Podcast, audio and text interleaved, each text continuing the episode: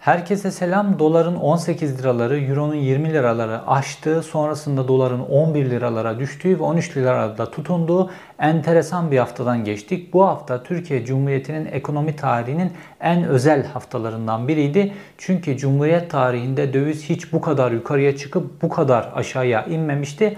Aynı zamanda bu hafta bir ekonomik modelden başka bir ekonomik modele geçtiğimiz bir hafta oldu. Türkiye'yi Avrupa'nın Çin'i yapmak yani Çin modeli Berat Albayrak tarafından hazırlanmış, Tayyip Erdoğan tarafından da kabul görmüştü. Fakat Tayyip Erdoğan bu hafta bu modeli tarihin çöp tenekesine gönderdi. Berat Albayrak da kendisinin vekil bakanı pozisyondaki Bakan Nebati üzerinden bu durumu kabullenmiş durumda. Türkiye'yi Avrupa'nın Çin'i yapmak ya da Çin modelini ilk kez bu kanalda benim videolarımdan duydunuz. Çünkü bu Tayyip Erdoğan etrafında, AK Parti'nin etrafında konuşulan bir modeldi. Bu şekilde adlandırmıyorlardı fakat model buydu. Bu videoda yeni modeli ve yeni modelin ismini bulacaksınız. Ayrıca bu videoda AKP'ye çok yakın bir iş adamının doların 13 lirada tutulmasını davul zurnayla kutlayan halkı izlediği sırada Bunlar tecavüz edilmiş, reis bizi öldürmedi diye seviniyorlar. Yorumunun perde arkasında neler var? Bu iş adamı kim? Bununla ilgili bilgileri bulacaksınız ve Tayyip Erdoğan'ın seçim hazırlıkları, Tayyip Erdoğan'ın kafasındaki bu yeni ekonomi model, bunun neler getireceği, neler götüreceğine ilişkin çok sayıda yeni ve yine dop dolu, bilgi dolu bir videoyla karşınızdayım.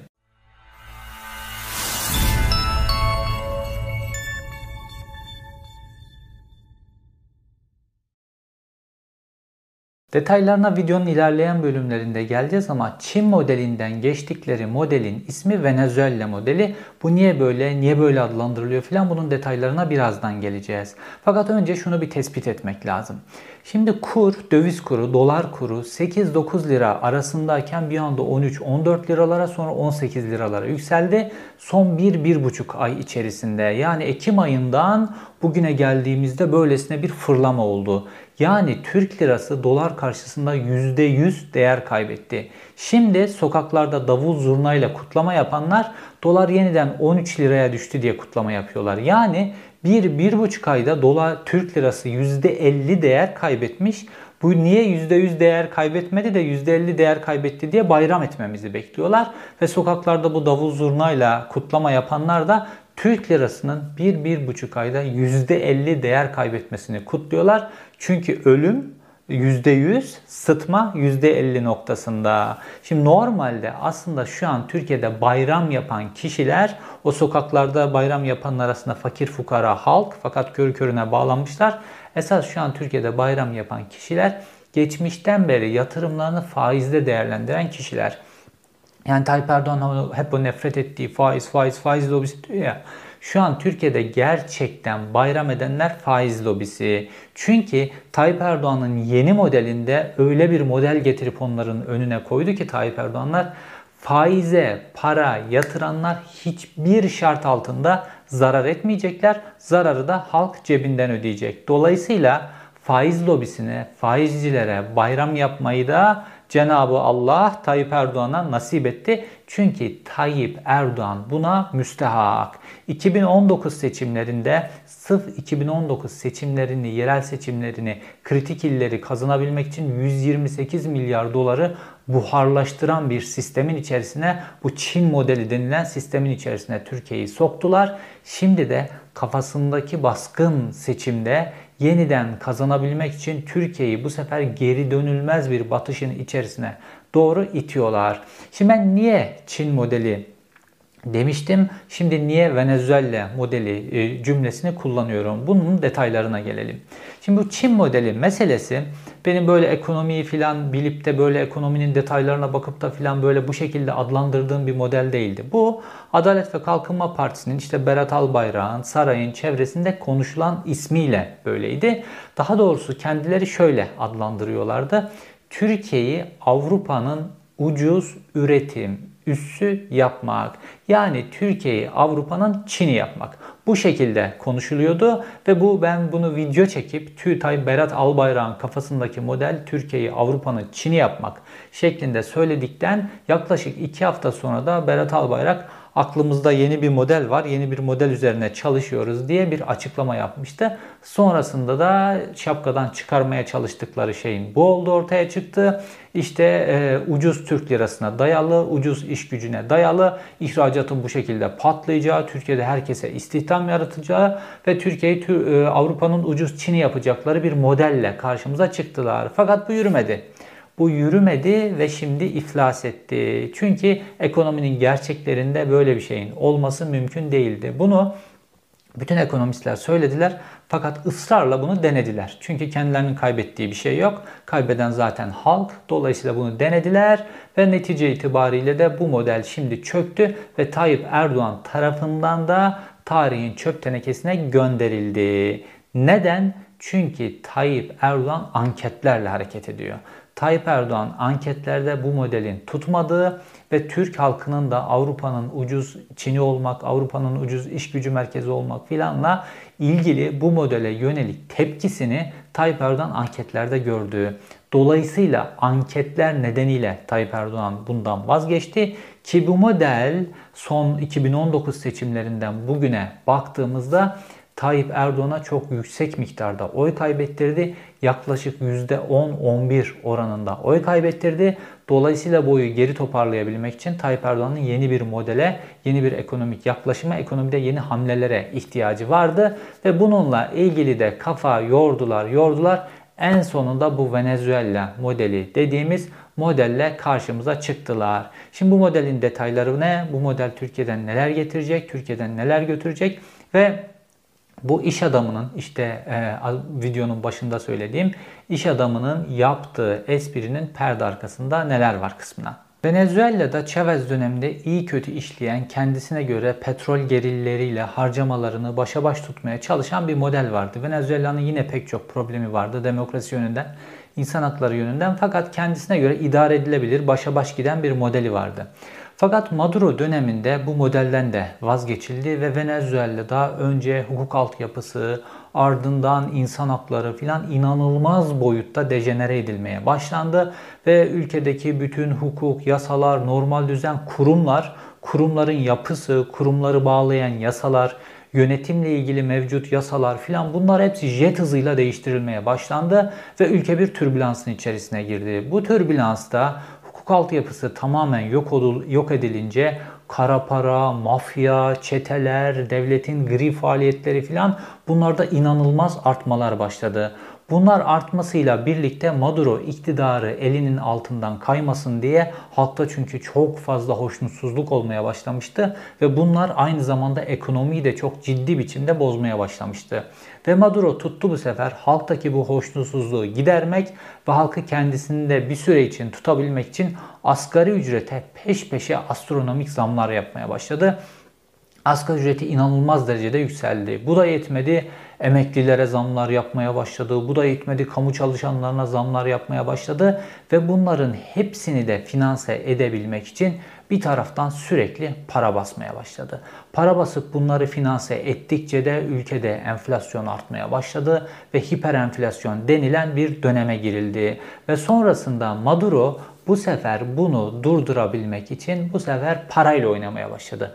Paranın değeri, paranın endeksli olduğu şeyler bütün bunlarla oynamaya başladı.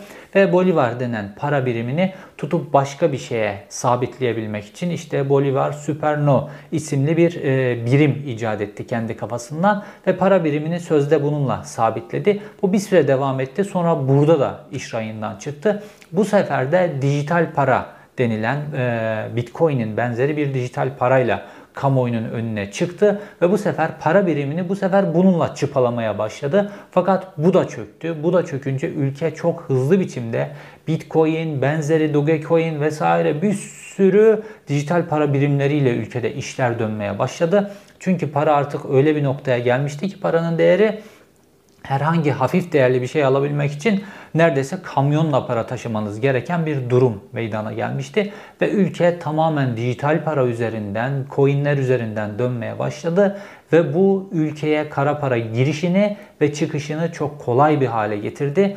Ve ülkede tamamen ülkenin iflas ettiği bir noktaya doğru gitti. Ülkede hukuk altyapısı, ülkede insan hakları, bütün aşama aşama bunlar yok olduktan sonra en son aşamada artık ekonomi geri döndürülemez biçimde yok edildikten sonra işte Venezuela'nın bu şekilde artık iç çatışmaların olduğu bir sürece doğru gitti Venezuela. Şimdi dönüp Türkiye'ye baktığımızda Tayyip Erdoğan da aslında bu aşamaları tek tek Venezuela'nın geçtiği aşamaları geçti. Hukuk altı yapısı yok edildi, demokrasi yok edildi, insan hakları yok edildi, ifade özgürlüğü yok edildi ve en sonunda da buna bağlı olarak da ekonomide bozulmalar başladı. Ekonomideki bozulma süreci aynı Venezuela'da olduğu gibi devam etti, devam etti. Farklı model arayışları denendi vesaire fakat sonunda Maduro'nun geldiği noktaya gelindi ve asgari ücrette aniden yükselişler, bu yükselişleri finanse edebilmek için de para basmalar ve şimdi de işte seçim ekonomisine doğru gittiğimiz günde günlerde aynı şekilde Memur maaşlarında da çok yüksek bir artış bekleniyor. Emeklilerin maaşlarında da çok yüksek artış bekleniyor. İşte geçtiğimiz günlerde öğrencilerin burslarında iyi bir artış oldu. Dolayısıyla Tayyip Erdoğan da artık iktidar tıpkı Maduro iktidar elinden kayıp gitmesin diye yaptığı her şeyi Tayyip Erdoğan da denemeye başladı.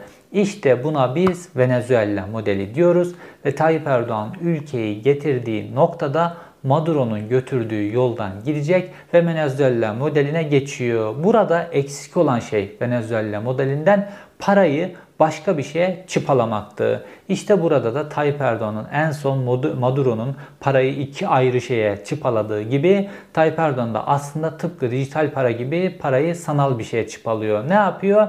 Dövize çevrilebilir mevduat diye bir şey çıkardılar kamuoyunun önüne. Bu aslında sanal biçimde dolar sahibi olmak gibi bir şey. Dolayısıyla Türk parasını bu şekilde sanal dolara çıpalamış oldu Tayyip Erdoğan. Maduro'nun aklına gelmeyen başka bir yöntemi denedi. Hatta belki Maduro'nun dolar Amerika Birleşik Devletleri ile ambargo nedeniyle falan sürekli gerginlikler yaşadığı için e, Maduro belki doları tercih edemedi fakat Tayyip Erdoğan burada dövizi, doları çok rahat biçimde tercih ediyor ve dolayısıyla ülke artık Çin modelinden yani bol istihdam, ucuz istihdam, çok fazla üretim modelinden Venezuela modeline geçiyor. Ülke artık paranın başka bir şeye çıpalandığı ve ülkenin artık tamamen ekonomisinin de yerle bir olacağı bir döneme geçmiş bulunuyoruz. Şimdi burada durup bu AKP'li iş adamının yorumuna gelelim. Şimdi bu kişi ee, Adalet ve Kalkınma Partisi'nden çok da iş alan Adalet ve Kalkınma Partisi'nden döneminde oldukça varlığına varlık katan fakat son günlerde, son aylarda, belki son birkaç yılda tedirgin olan iş adamlarından bir tanesi. AKP'nin içerisinde de bu tedirginlikler var. Artık böyle sızıyor da dışarı bir biçimde. Aynı zamanda bu iş adamlarında da çok fazla tedirginlikler var ki bu iş adamları yavaş yavaş da varlıklarını başka ülkelere hatta artık yavaş yavaş da değil hızlı hızlı da varlıkların önemli bir bölümünü başka ülkelere doğru, başka ülkelerdeki yatırımlara doğru kaydırıyorlar. Şimdi bu iş adamı Normalde bu e, döviz şokunun yani bu 20 liralara çıkmanın Erdoğan rejiminin aklını başına getireceği ve faiz arttırımına gidecekleri ekonominin realitesine döneceklerine ilişkin son bir umudu vardı. Fakat doların %100 artıştan %50 artışa indiği noktada böyle işte davul zurnalı gösteriler vesaire Erdoğan medyasının yaptığı yayınlar bunu çok büyük bir başarı olarak gösterilmesi yani doların bir buçuk ayda %50 artmasını başarı gibi gösteren bir Erdoğan medyası ve Erdoğan iktidarı gördüğü noktada işte A Haber'de bu görüntüleri izlerken şu yorumu yapıyor. Bunlar reis bize tecavüz etti ama öldürmedi diye seviniyorlar. Aslında orada tecavüz etti kelimesini kullanmıyor. Reis bizi şey yaptı ama öldürmedi diye seviniyorlar diyor. Ve artık umudunun kalmadığını söylüyor. İşte AKP'li bazı iş adamlarında da artık umut kalmamış durumda. Bu sebeple yatırımlarını hızlı biçimde Türkiye'den başka ülkelere kaçırmakla ilgili faaliyetler içerisindeler. Hatta başka ülkelerden oturum alıp acil bir durumda oralara yerleşmekle ilgili de hazırlıklarını tamamlamış durumdalar. Şimdi gelelim olayın başka boyutuna bu model yani şu an getirdikleri dövize çevrilebilir mevduat modelinin neler getireceği, halktan neler götüreceği ile ilgili. Bu model aslında bize bir biçimde geçmediğimiz köprülerin parasını ödemek, uçmadığımız havalimanların parasını ödemek modelini çok hatırlatıyor. Çünkü bu modelin aynısı. Şimdi de halk olmayan faiz hesabındaki zararı sırtlanacak ve faiz hesabı bulunan, faiz mevduatı bulunan insanların uğrayabilecekleri zararı potansiyel olarak karşılayacak. Yani Deli Dumrul'un köprüden geçenden de geçmeyenden de para alması hesabı gibi şimdi de de Tayyip Erdoğan hesabı faiz hesabı olandan da olmayandan da para alacak ve bu parayı da götürüp faiz hesabı olan kişiye verecek. Şimdi gelelim modelin detaylarına. Normalde anlatılan hep bir hikaye var ya Robin Hood hikayesi böyle zenginden alıyor fakire veriyor Robin Hood. Bu sefer de bir tersine durum söz konusu. Fakirden alınıp zengine verilecek. Bu yeni sistemde parası olan daha çok zenginleşecek. Parası olmayanınsa gözü çıkacak. Parası olmayan sadece fakir kalmayacak. Aynı zamanda parası olmayan bu fakirliğinin içerisinde bir de parası olanın olası zararlarını da karşılayacağı bir sistem getirildi. Şimdi sistem kabaca şöyle işleyecek. Dövize çevrilebilir mevduat olayı. Normalde bu böyle yepyeni bulunmamış bir filan olay değil. Bu aynı zamanda Türkiye'de geçmişte de iki kez uygulanmış, denenmiş bir model. Bir 1960'larda çok kısa bir süre deneniliyor, vazgeçiliyor, zararları görülüyor. Fakat Demirel tıpkı Tayyip Erdoğan gibi iktidarda kalmak için her şeyi yapan bir siyasetçi modeliydi ve bunu uğurda Türkiye'nin ekonomisini iki kere çok ciddi biçimde batırmıştır ve ülkenin iki kere darbenin eşiğine gelmesine neden olmuştur. Bir kere de darbe olmuştur. Şimdi Demirel bir 1980 öncesinde işte bu dövize çevrilebilir mevduat sistemini uyguladı. Ve bu sistemi 4 yıl uyguladı. Çok uzun süre uyguladı. Ve bu sistem Türk ekonomisini öylesine büyük bir krizin içerisine soktu ki bunun sonucunda bu buhran aynı zamanda sokağa yansıdığı çatışmalar filan bütün ülkenin e, her şeyini etkiledi. Ve sonrasında da 12 Eylül darbesi geldi. Yine sonrasında Demirel tekrar iktidara geldiğinde bu sefer de iktidarda kalabilmek için yine popülist politikalara gitti. Emeklilik yaşını 48'e indirdi. Bu sefer sosyal güvenlik sistemi üzerinden öylesine büyük bir ekonomik kriz patladı ki işte 28 Şubat denilen günlere geldik ve neredeyse ülke bir kez daha derbenin eşiğinden döndü. Çünkü böyle ekonomik krizler, böyle buhran günleri aynı zamanda ülkeyi çok farklı noktalara sürükleme potansiyelleri var. İnsanlar patlama noktasına gelirler. Ülkede öngörülemeyen şeyler olur vesaire. Şimdi Tayyip Erdoğan da aynı yöntemi deniyor. Yani Demirel'in ülkeyi hiç umursamayan, iktidarda kalabilmek için her şeyi yapabildiği, özellikle ekonomi üzerinde yapabildiği döneme girdi Tayyip Erdoğan. Şimdi bu modelde parası olan kişi, özellikle de faiz yatırımını seven kişi, ne yapıyordu eskiden yatırımcılar? Yani parası olan kişiler kimisi dövize yatırıyordu, kimisi altına yatırıyordu, kimi borsaya yatırıyordu, kimi faize yatırıyordu.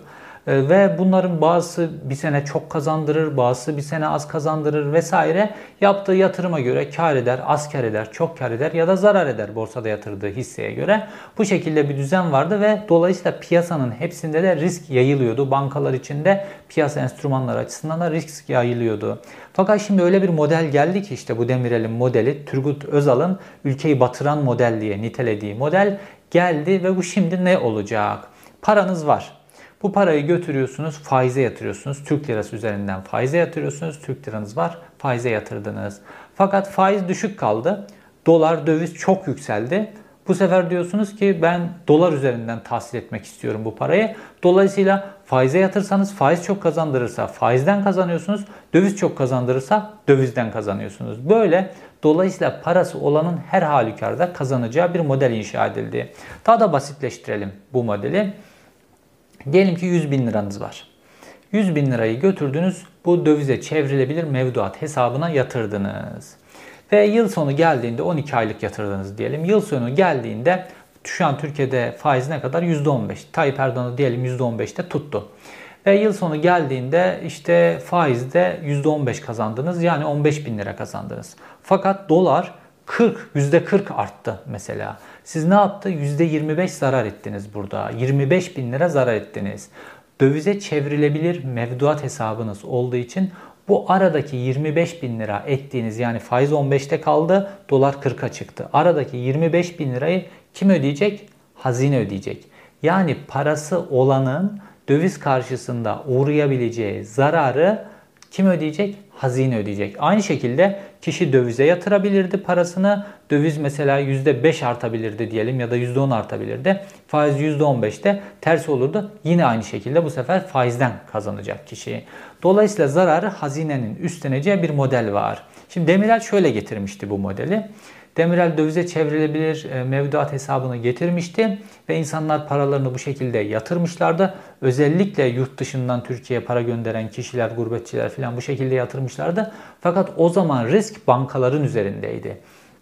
Yani bu aradaki zararı bankalar ödüyorlardı. Fakat iş öyle bir noktaya geldi ki bankalar artık bu zararı ödeyemez hale geldiler ve bankalar para kesmeyi, para ödemeyi bıraktı ve en sonunda bütün finans sistemi tamamen çökmesin diye mecburen devlet bütün bu zararları üstlendi ve devlet bu zararları e, ödedi ve Turgut Özal'ın deyimiyle Türkiye 20 yıl bir zaman kaybetti. Hatta Özal'ın kendisi bu kadar ödenen parayla neler yapılacağına, kaç hastane, kaç okul, kaç havalimanı vesaire ve kişi başı aileye ne kadar para düşeceğine ilişkin bütün bu rakamları da açıklıyor.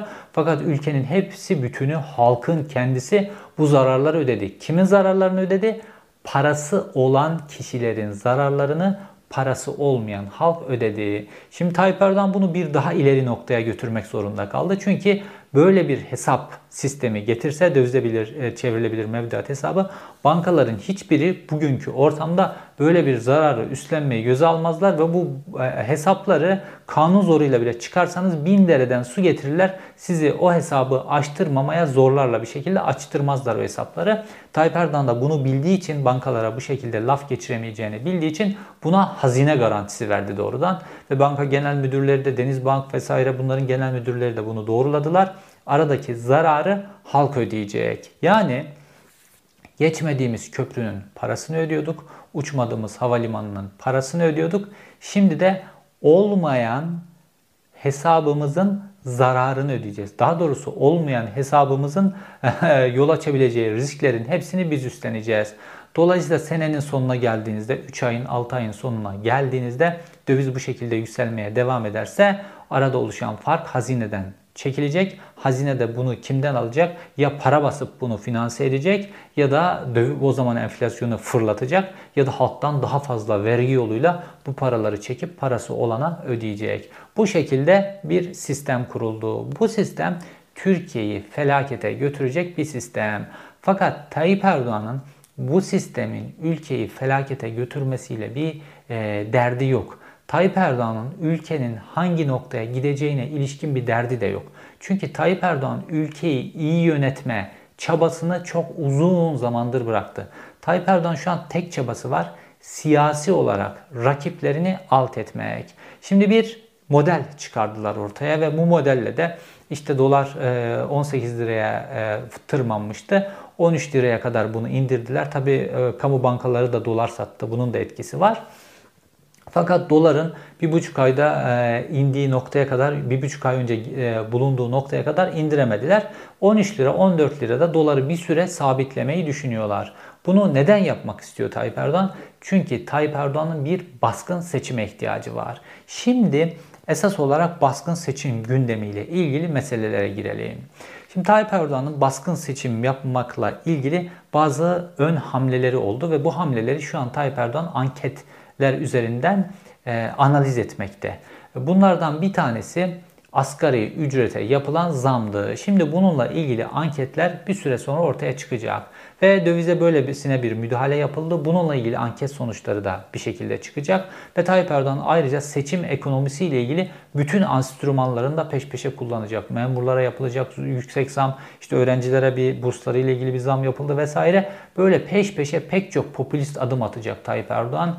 İşte ev kredilerini ile ilgili kamu bankalarını zorlayacak vesaire. Bu şekilde Tayyip Erdoğan'ın görmek istediği şey oylarını yeniden partisinin oylarını %40'da görebilmek. Tayyip Erdoğan şunu hesaplıyor. Bu şekilde ekonomide geçici bir çözümle birkaç ayda Tayyip Erdoğan bakın istediği zaman işleri düzeltebiliyor. Tayyip Erdoğan'ın bir bildiği var. Tayyip Erdoğan'dan başka kimse bunları toparlayamaz. İmajını medya gücüyle de pompala, pompalayıp halka yedirirsem ve benden kaçan 10-11 oranında bir oy var benim partimden kaçan ve bu 10-11 oranındaki oy başka bir partiye de henüz gitmemiş kararsızlar hanesinde duruyor. Bu da muhalefetin acizliği aslına bakarsanız o oyları çekmesi lazım muhalefetin ama hala kararsızlar hanesinde. Ve bu oylar Tayyip Erdoğan ekonomiyi kötü yönettiği için gittiler. Bu oylar Tayyip Erdoğan hukuku, demokrasi, ülkenin geleceğini, ifade özgürlüğünü filan yerle bir ettiği için değil. Bunlar e, dış politikayı yerle bir ettiği için değil. Bunlar ekonomi nedeniyle gittiler. Yani ülkenin ekonomisi kötüye gitti. Tayyip Erdoğan ekonomiyi yönetemiyor. Bu sebeple gittiler ama kararsızlar hanesindeler. Tayyip Erdoğan işte bunları kendisine daha önce oy vermeye alışık olan bu kitleyi bu şekilde ekonomide bir yalancı baharla kendisine belli oranda hiç olmazsa bir 6-7 puanını kendisine çekmeyi düşünüyor. Bunu çekebildiği takdirde oylar %40'a gelecek. Ve MHP'nin de 6-7 oranındaki oyla toplam Cumhur İttifakı'nın oyları %47 noktasına gelecek. Ve Tayyip Erdoğan şunu düşünüyor. Ben seçim sürecinde en başarılı liderim. Seçim performansı en başarılı lider benim. 3 tane referandum kazandım, bu kadar seçim kazandım ve %47 ile seçim yarışına, baskın seçim yarışına girersem seçim sürecinde yapacağım bütün e, seçim ekonomisi, bütün ülkenin artık son kurşununa kadar her şeyi halka dökecek parayı basacak halka, piyasaya parayı basacak vesaire. Bu şekilde bu kurşunlarımı da kullanırsam aynı zamanda işte milliyetçilik, HDP'nin kapatılması ve işte yerli otomobilin aniden piyasaya sürülmesi gibi sürekli hazırlıkla tuttuğu bazı müjdeler filan da var. Bir müjde paketi de var onun içerisinde. Bunların hepsini medya propagandasıyla da yoğun biçimde kullandığımda işte muhalefeti bastırmak için her türlü şiddeti de kullanıyor. Ki Mansur Yavaş'ın sokağa çıkartılamaz hale gelmesiyle ilgili işi Milliyetçi Hareket Partisi'ne ihale etti. Onlar Mansur Yavaş'ın üzerine yükleniyorlar. Ekrem İmamoğlu ile ilgili de bir paketler hazır. Bunların hepsiyle de birlikte bir araya getirdiğinde ve biraz da sandık hileleriyle birlikte ben yeniden %50 artı bulurum diye biri bulurum diye hesap ediyor Tayyip Erdoğan. Bunu yapabilir mi? Bu olabilir. Bu mümkün. Bunu yapıp yapamayacağı muhalefetin göstereceği performansla ilgili bir şey. İşte anlattım işte Venezuela'da felaketler oldu. Fakat Maduro, Maduro iktidarını korumayı başardı. Türkiye'de böylesine derin ekonomik krizlerin içerisine doğru gidiyor. Son gaz gidiyor. Bu, bu da Tayyip Erdoğan'ı iktidardan devirmeye yetmeyebilir. Bir iktidarı ancak değiştirebilmek muhalefetin performansıyla mümkün muhalefet alternatif olduğunu, muhalefet ekonomiyi, muhalefet ülkeyi daha iyi yönetebileceğine halkı ikna ederse insanlar fikirlerini değiştirebilirler. Yoksa sırf kötü yönetim insanların fikirlerini değiştirmeye yetmiyor. İnsanlar sonuçta birini seçecekler diğer adayların kendilerini inandırması lazım. İşte Tayyip Erdoğan da bütün bu ekonomideki bu hamleleri yalancı bahar oluşturma çabası ve üzerine kuracağı seçim ekonomisi, üzerine kuracağı şiddet, nefret söylemi, kutuplaştırmayla vesaire bunlarla birlikte %50 artı 1'i bulacağına ilişkin bir plan üzerinde ilerlemekte. Ve bu planın çok hızlı sonuç vermesi lazım. Çünkü ekonomide atacağı çok fazla kurşun kalmadı Tayyip Erdoğan ve 2023'e kadar bu kurşunların devam etme ihtimali olmadığı için de hatta 2022'nin sonbaharına kadar bu kurşunların e, e, yetme ihtimali de olmadığı için Tayyip Erdoğan'ın kafasındaki model bu hızlı adımları peş peşe yapıp Mayıs-Haziran gibi bir baskın seçim yapmak. Yani bir erken seçimden değil bir baskın seçimden söz ediyoruz. Tabi bunun olup olmayacağını anketler belirleyecek. Şimdi asgari ücret zammı ile ilgili anketler Tayyip Erdoğan'ın önüne gelecek. Bu e, dövizde yaptıkları bu hamle ile ilgili anketler Tayyip Erdoğan'ın önüne gelecek. Bununla ilgili yaptıkları propaganda, bu davul zurna propagandaları Tayyip Erdoğan'ın önüne gelecek. Sonra memurlara zam vesaire bunların hepsiyle ilgili anketler gelecek. Ve bu anketlerin sonucunda Tayyip Erdoğan bir kıpırdama, yeterli bir kıpırdanma ışığı görürse ondan sonraki hamlelerle birlikte de muhalefetin bastırılması, topyekün çökertilmesiyle ilgili hamlenin eşliğinde Mayıs-Haziran aylarında bir, bir seçimi göreceğiz. Şu an yapılanın hepsi seçime endeksli şeyler. Şu an Türkiye'de ne oluyorsa seçimle ilgili meseleler üzerinden oluyor. Ve 2019'un sonrasında Türkiye biliyorsunuz o süreçte de büyük bir e, döviz krizi yaşamıştı. Ve bu döviz krizinde şöyle bir e, plan geliştirmişlerdi Tayyip Erdoğanlar. Biz bazı açıklamalar yapalım. E, piyasanın beklentilerine ters açıklamalar. Dolayısıyla dövizi çok fazla tırmandıralım. Sonra piyasanın beklentilerini yerine getirebilecek birkaç hamle yapalım ve döviz bir noktaya kadar düşsün. Ee, ve dolayısıyla düştüğünde döviz işte bizim hamlelerimizde döviz düştü şeklinde propaganda yapalım. Ve gerçekten de bu propaganda o zaman tuttu. Yine döviz çok yükseldi. Onun %40'ı 50'si kadar değer kaybetti. Fakat yine ilk hareket noktasından çok daha yüksekti. Fakat buna rağmen bakın biz bu kadar düşürdük propagandasıyla, propagandanın gücüyle bunu yedirdiler. Şimdi de aynı şeyi yapmaya deniyorlar. Dolar 8-9 liraydı. 18 liraya çıktı. Şimdi 13 liraya indi. Yine Türk lirası %50 değer kaybetmiş. Fakat bunu başarı gibi halka yedirmeye çalışıyorlar. Ve davul zurna çalanlar da şimdi faiz lobisine e, hizmet edecek, faizcilere hizmet edecek yeni bir model getirildiği halde sanki bu kendilerine hizmet edecekmiş gibi bununla ilgili davul zurna çalıyorlar. Oysa kendi ceplerinden para çıkacak, parasını dövizde, faizde vesaire bunu da tutanların cebine girecek. Bunun da farkında değiller. Her şey seçimin etrafında dönmeye başladı. Çünkü Tayyip Erdoğan şunu fark etti. 2023'e kadar gidersem artık benim heybede hiçbir kurşunum kalmayacak. Dolayısıyla hemen bir şey yapmalı ve yeniden 5 yıl zaman kazanmalıyım. Fakat bunların hiçbirisi ülkeyi düzeltmeyecek. Çünkü ülkedeki temel problem hukuk yok. Ülkedeki temel problem insan hakları yok. Ülkedeki temel problem eğitim çökmüş. Ülkedeki temel problem mafya rejiminin kurulmuş olması. Ülkedeki temel problemler çökmeler. Ülkedeki temel problemler herkesin kendini tehdit altında hissetmesi. Bunlar çözülmediği sürece ekonominin de çözülme ihtimali, ekonominin de düzelme ihtimali yok. Tayyip Erdoğan'ın uygulayacağı realist formüllerin bile artık ekonomiyi düzeltme ihtimali yok. Ama şu an bugün Tayyip Erdoğan ben siyaseti bırakıyorum, emekli oluyorum dese dolar yeniden 8 liralar seviyesine iner. Bu da bir gerçek. Çünkü şu an beklenen şey, piyasanın beklediği şey, ekonomi e, kurmaylarının, ekonominin aktörlerinin beklediği gerçek haber, bekledikleri haber bu. İzlediğiniz için teşekkür ederim. Bir sonraki videoda görüşmek üzere.